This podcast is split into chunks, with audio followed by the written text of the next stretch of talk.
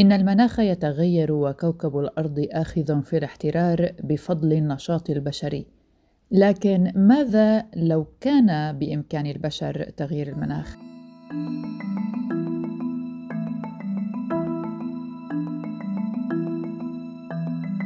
هذا ما سيجيبنا عنه الأستاذ منذر الشوفي ماجستير في الجغرافيا البشرية والتخطيط الإقليمي آه، طبقة الأوزون هي الطبقة التي توجد على سوية حوالي 35 كيلو متر من الغلاف الجوي في طبقة أستراتوسفير.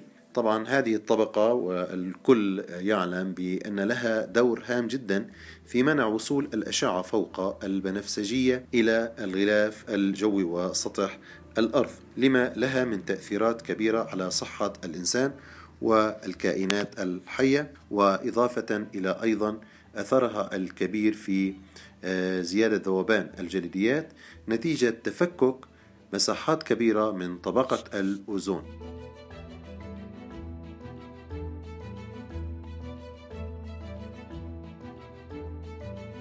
إن الكثير من البشر يعتبرون أنه قد فات الأوان لإصلاح ما أتلفته يدانا كبشر، ولكن للعلماء رأي يعاكس ذلك، وربما الخطة الجريئة والمثيرة للجدل والتي طرحها بعضهم قد تشعرنا بوجود أمل ما وحل قريب.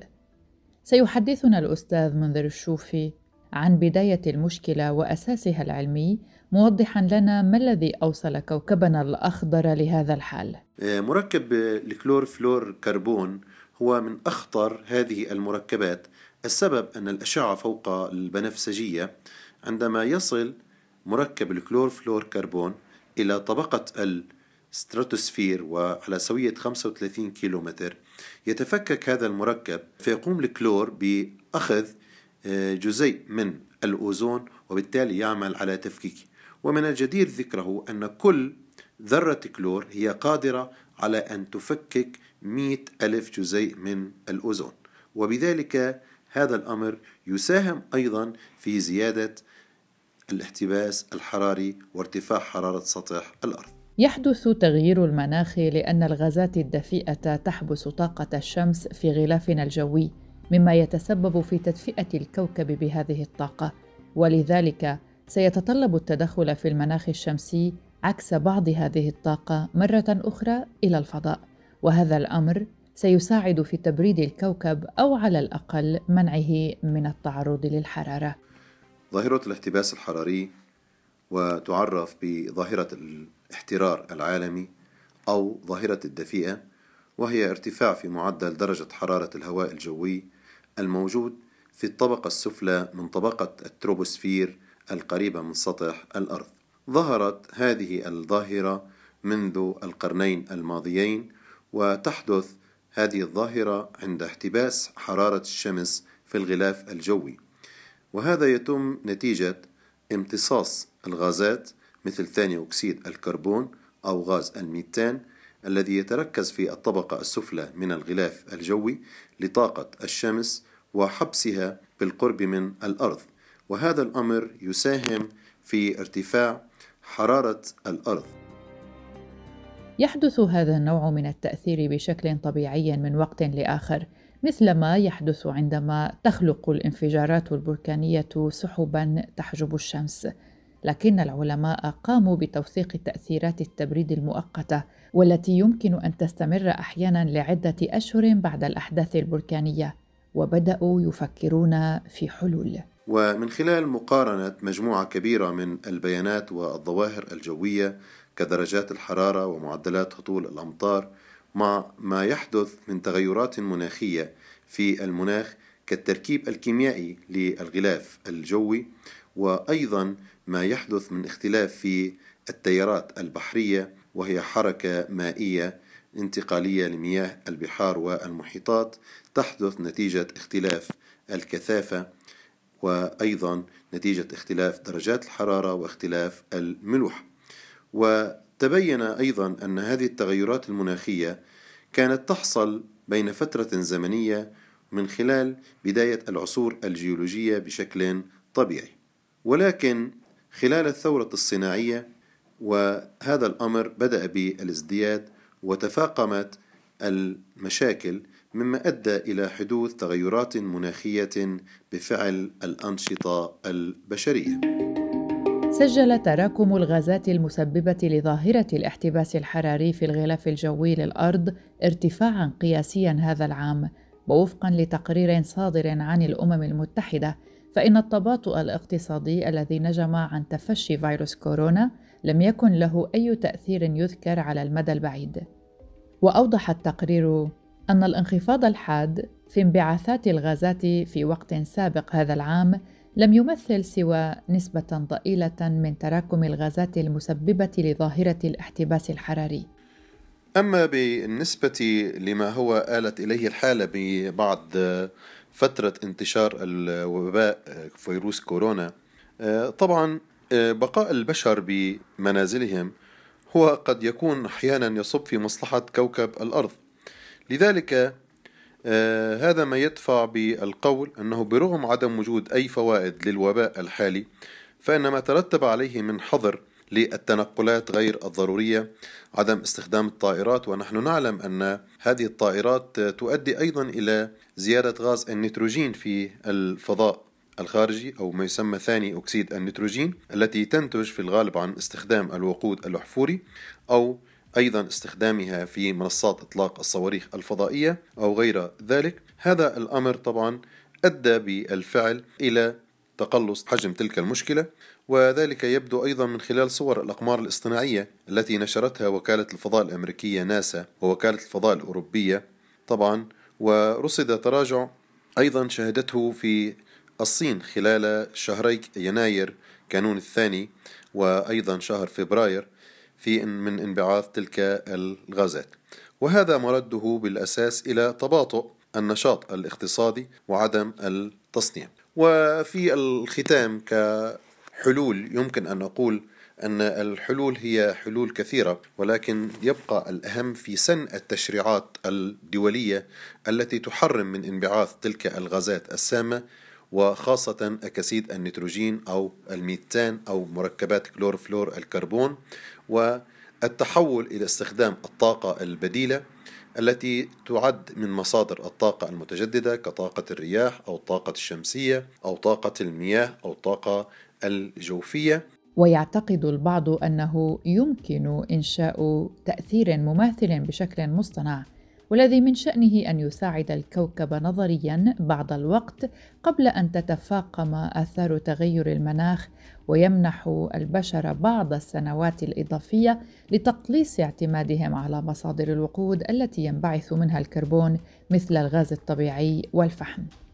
يعني ذلك أن العلماء يحاولون تأجيل دمار الكوكب والبقية تتعلق بنا فإما أن نلحق أنفسنا ونجد البدائل الطبيعية البيئية الأقل خطورة وسببا لاحترار الكوكب أو نكون كسبنا بعض الوقت لنودع مصادر الطاقة ونستهلك ما بقي ونحرم أبناء جنسنا من التمتع بحياة جيدة. لتحقيق ذلك علينا تكرار تأثير تلك السحب البركانية يمكن أن يحدث هذا عن طريق إطلاق جزيئات الهباء الجوي في الغلاف الجوي التي من شأنها أن تصرف أشعة الشمس القادمة. طبعا نتيجة ازدياد الأنشطة الصناعية في العالم وخاصة في الدول الأوروبية مع بداية الثورة الصناعية هذا الأمر أدى إلى ارتفاع متوسط درجة الحرارة السطحية العالمية طبعا ارتفاع درجة الحرارة السطحية زادت من 0.3 إلى 0.6 درجة مئوية.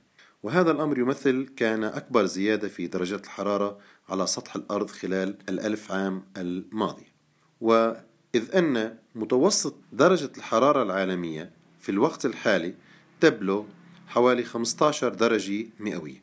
لكن مع بقاء هذه الظاهرة ظاهرة الاحتباس الحراري يتوقع العلماء أن ترتفع درجة الحرارة بحدود من 2 إلى 4 درجات مئوية وذلك في حلول عام 2100 ومن الجدير ذكره أن ارتفاع متوسط درجة الحرارة العالمية في الكرة الأرضية لا يعني بالضرورة أن جميع مناطق العالم ستصبح أكثر دفئا لأن الاحتباس الحراري لا يدل على ارتفاع درجة الحرارة بنفس المقدار في كل مكان على سطح الكرة الأرضية لكنه يدل على ارتفاع بشكل متوسط وعام لدرجة الحرارة العالمية.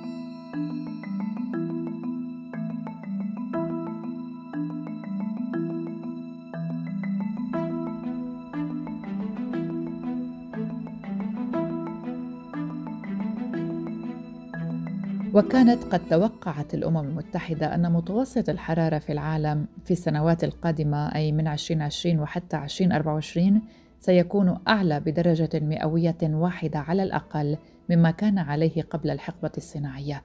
وتظهر التوقعات المناخية الجديدة الصادرة عن المنظمة العالمية للأرصاد الجوية أن كل المناطق تقريبا باستثناء بعض القطاعات في المحيطات الجنوبية ستسجل درجات حرارة أعلى من المستويات الحالية. يمكن القول أنه طالما خلال فترة زمنية قصيرة آه، تعافى كما يقال آه، ثقب الأوزون أو ظاهرة الاحتباس الحراري تراجعت في العالم فلماذا لا نعمل على إيجاد يوم عطلة في كل أنحاء العالم تتوقف فيه المصانع والمعامل ووسائط النقل والطيران عن الانطلاق؟ طالما أن في ذلك هو حماية لكوكب الأرض وعلينا أيضا أن لا نغفل دور الحزام الأخضر في تقليص حجم غاز ثاني أكسيد الكربون في الغلاف الجوي وهو ما يساعد بشكل كبير جدا على حل هذه المشكلة.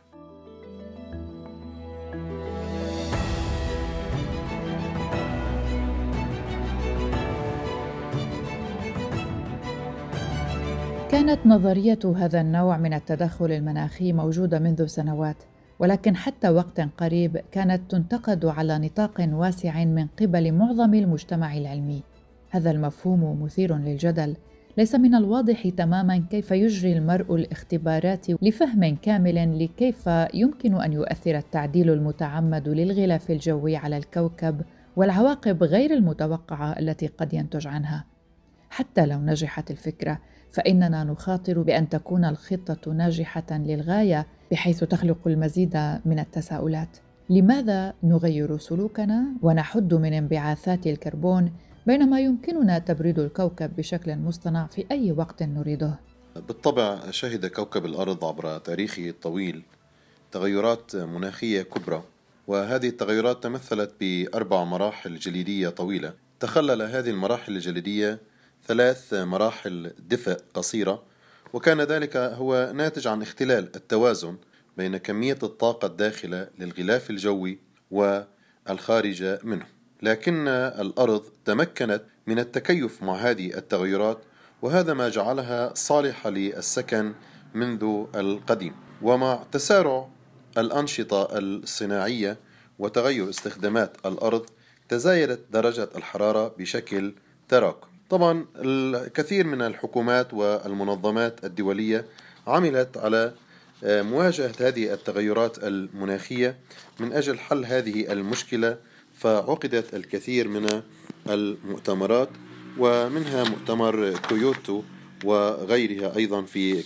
مؤتمرات كندا التي طالبت بحل آه، هذه المشاكل من أجل منع حدوث مثل هذه التغيرات مرة أخرى. يبدو وكأن العلماء واثقين نسبيا من قدرتهم على تكرار تأثيرات التدخلات المناخية الطبيعية بنجاح. فمثلا دوغلاس ماك مارتن الباحث في الهندسة الميكانيكية والفضائية في جامعة كورنيل قال إنهم يعلمون يقينا وبنسبة 100% أنه بإمكانهم تبريد الكوكب. المشكلة هي أنهم ليس لديهم فكرة عما سيحدث بعد ذلك. ليس هناك ما يشير إلى ما إذا كان هذا التغيير سيؤثر على أحداث الطقس أو الإمدادات الغذائية العالمية وبدلا من ذلك لديهم فكرة جيدة عما سيحدث إذا وصلوا الفشل في معالجة تغير المناخ.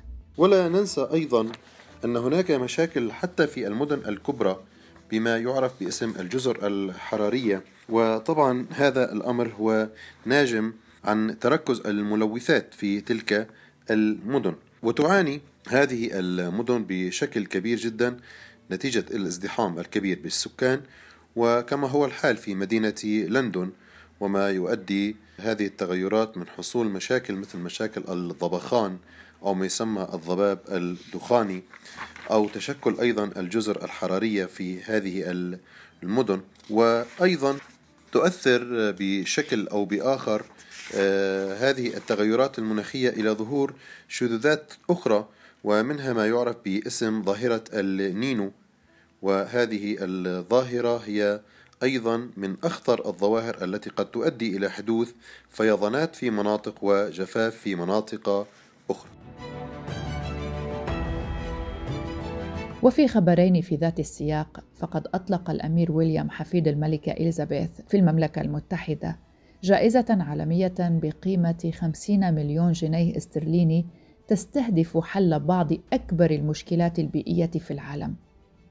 تعرف الجائزة باسم جائزة إيرث شوت واعتبارا من العام 2021 سيتم منح خمسة فائزين سنويا جوائز قيمة كل منها مليون جنيه استرليني على مدى السنوات العشر القادمة.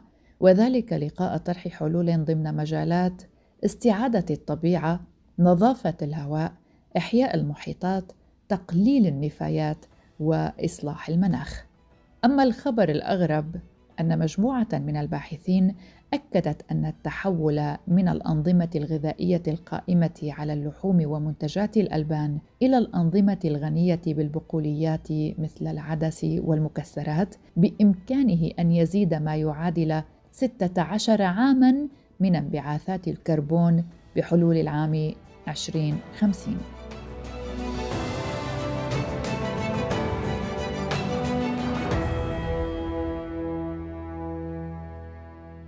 هذه كانت حلقة من بودكاست في عشرين دقيقة من إعدادي وتقديمي براء صليبي شاركني في إعداد هذه الحلقة وساعدنا في البحث عن ضيوف. الصديق والزميل نجيب الشوفي. لا تنسوا متابعتنا عبر منصات بودكاست المختلفة iTunes، Google Podcast، Spotify، Deezer، SoundCloud ومنصة أنغامي. أيضا يمكنكم الاستماع إلينا عبر راديو الآن وعبر موقعنا الرسمي الآن dot FM. شكرا لحسن المتابعة. إلى اللقاء.